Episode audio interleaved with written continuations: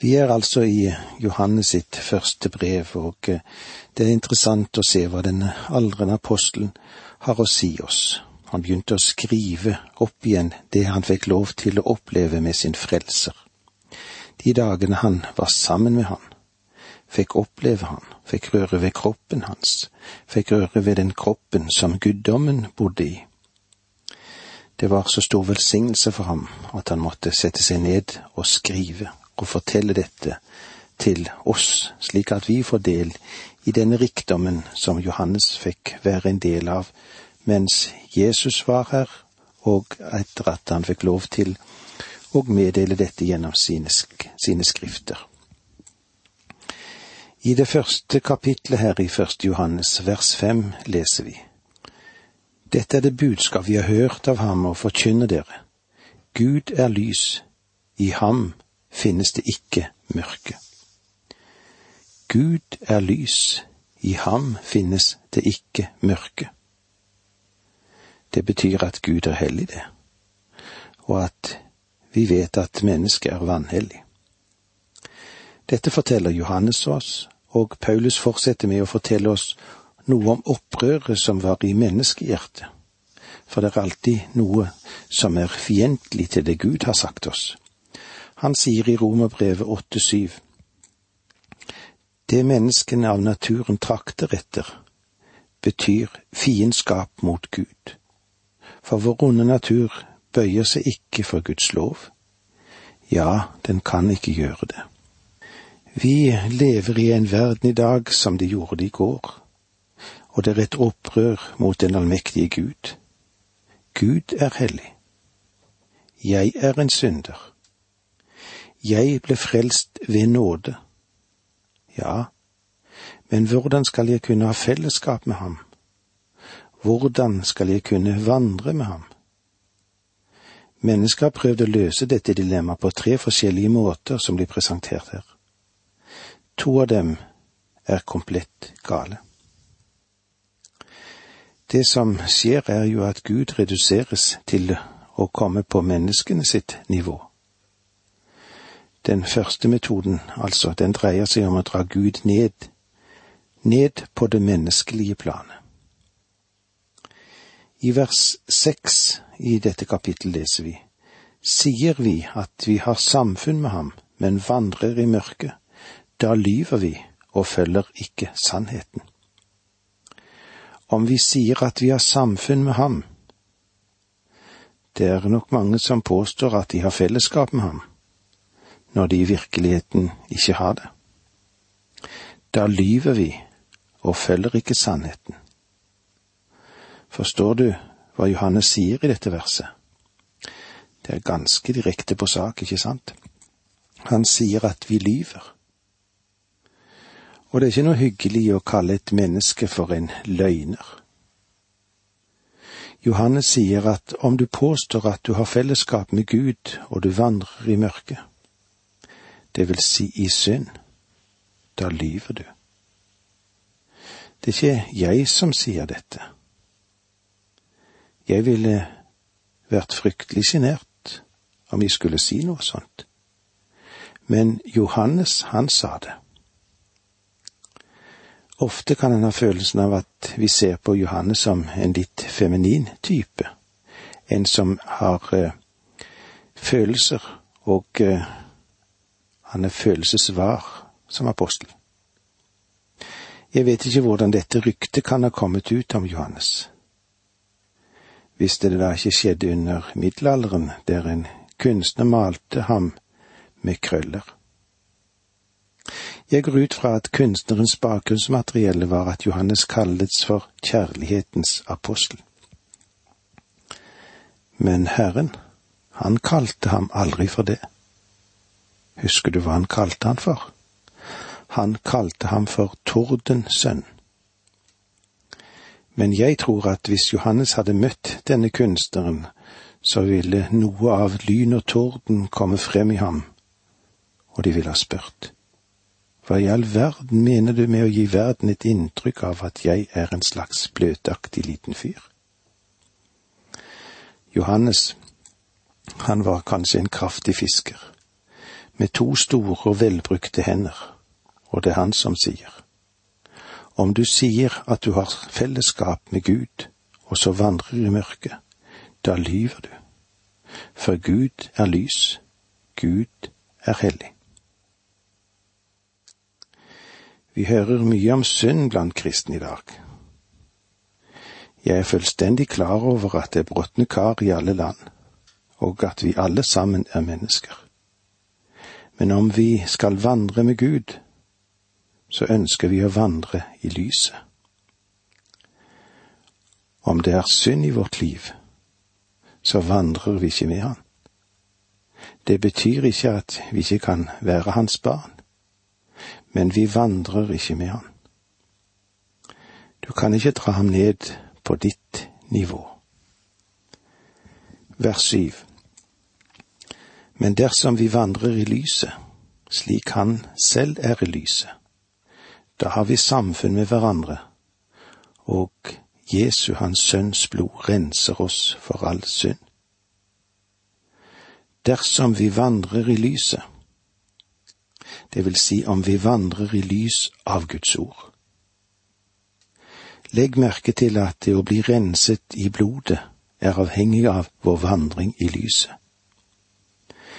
Men legg nå merke til at det ikke står om vi vandrer så som lyset, eller i pakt med lyset, så renser Jesu Kristi blod oss for all synd. Noen mener at det betyr at hvis du er fryktelig nøye med å adlyde hvert eneste lille vink fra Gud, så vil Gud rense deg. Men det står ikke å vandre i pakt med lyset, men om vi vandrer i lyset. Det er viktig hvor vi går, ikke hvordan vi går. Har vi kommet inn for Guds åsyn og tillatt Guds ord å skinne i våre syndige hjerter?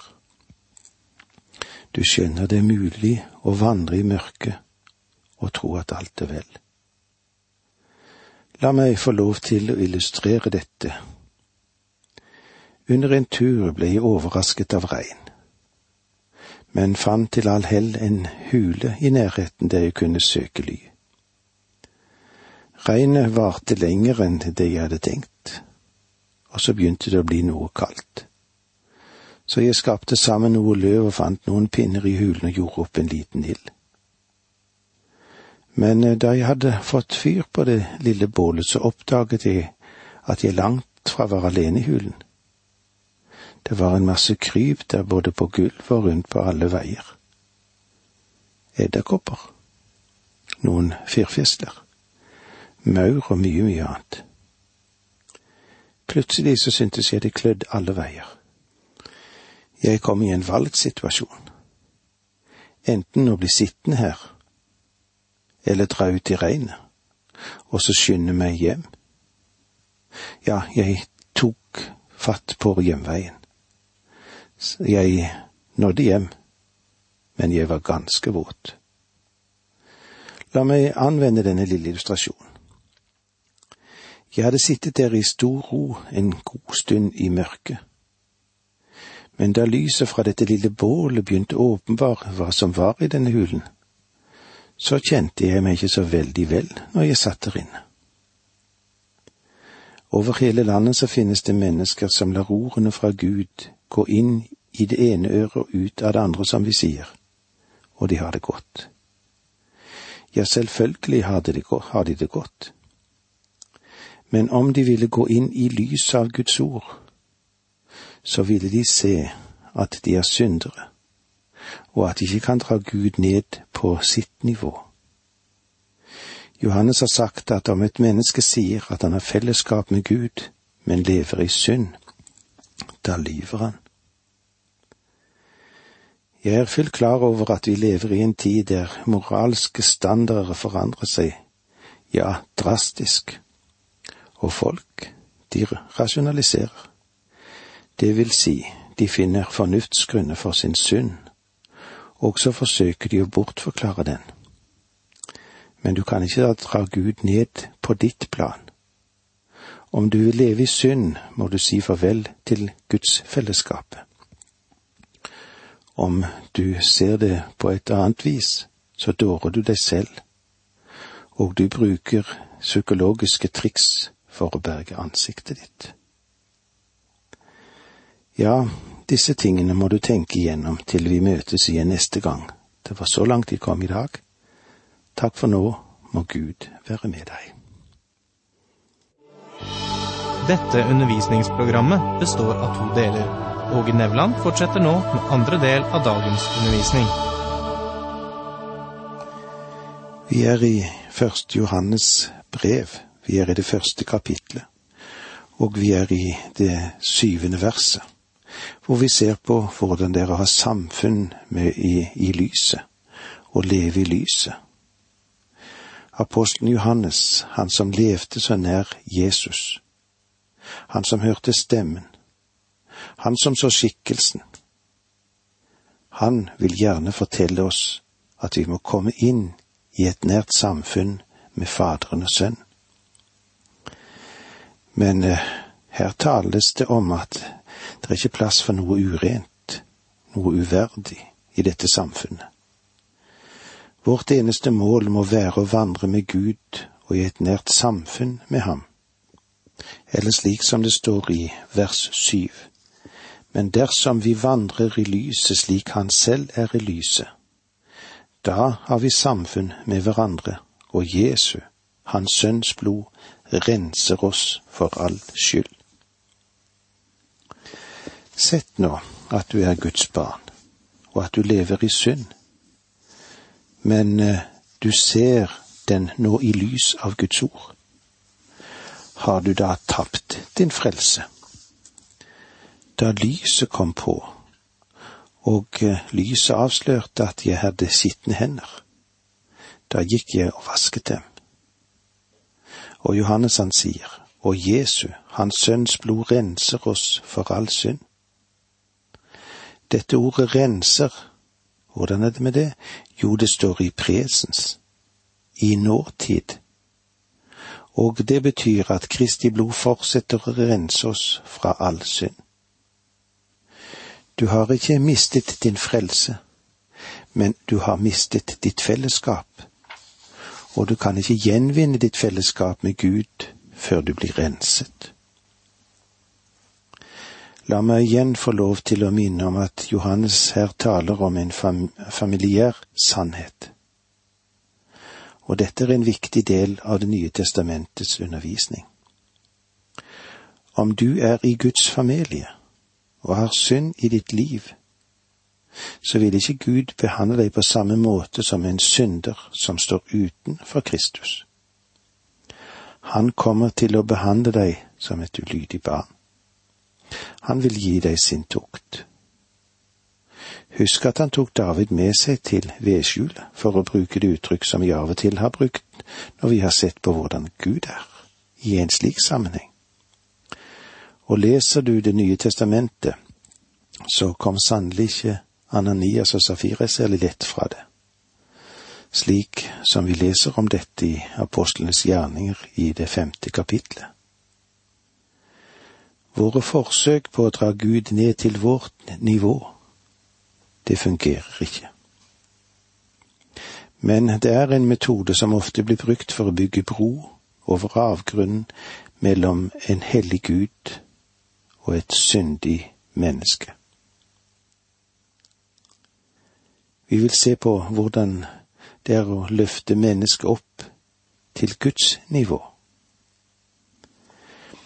En annen metode som ofte brukes, er forsøket på å løfte mennesket opp til Guds nivå. Jeg berører nå et litt vanskelig område, men det er viktig å ha det med oss. Det de sier er at mennesket har nådd syndfri fullkommenhet, og at en lever på det høyeste nivå. Vel, Johannes tar også opp denne spørsmålsstillingen. Hør hva han sier i vers åtte her i det første kapittelet i første Johannes. Sier vi at vi ikke har synd, da bedrar vi oss selv, og sannheten er ikke i oss. Dette er nesten verre enn å være løgner, det. Når du kommer til et punkt at du sier, eller i alle fall i all hemmelighet mener, at det ikke er noe synd i ditt liv, da er det ingen sannhet til deg i det hele tatt.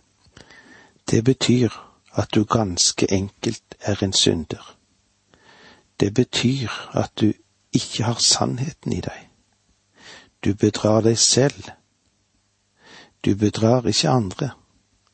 Du bedrar bare deg selv. Om du føler at du har nådd dette høystadium, så synes jeg synd på ektefellen din. For uh, ikke noe er så vanskelig som å leve sammen med en som tror han er fullkommen. Johannes han sier det slik. Sier vi at vi ikke har synd, da bedrar vi oss selv, og sannheten er ikke i oss.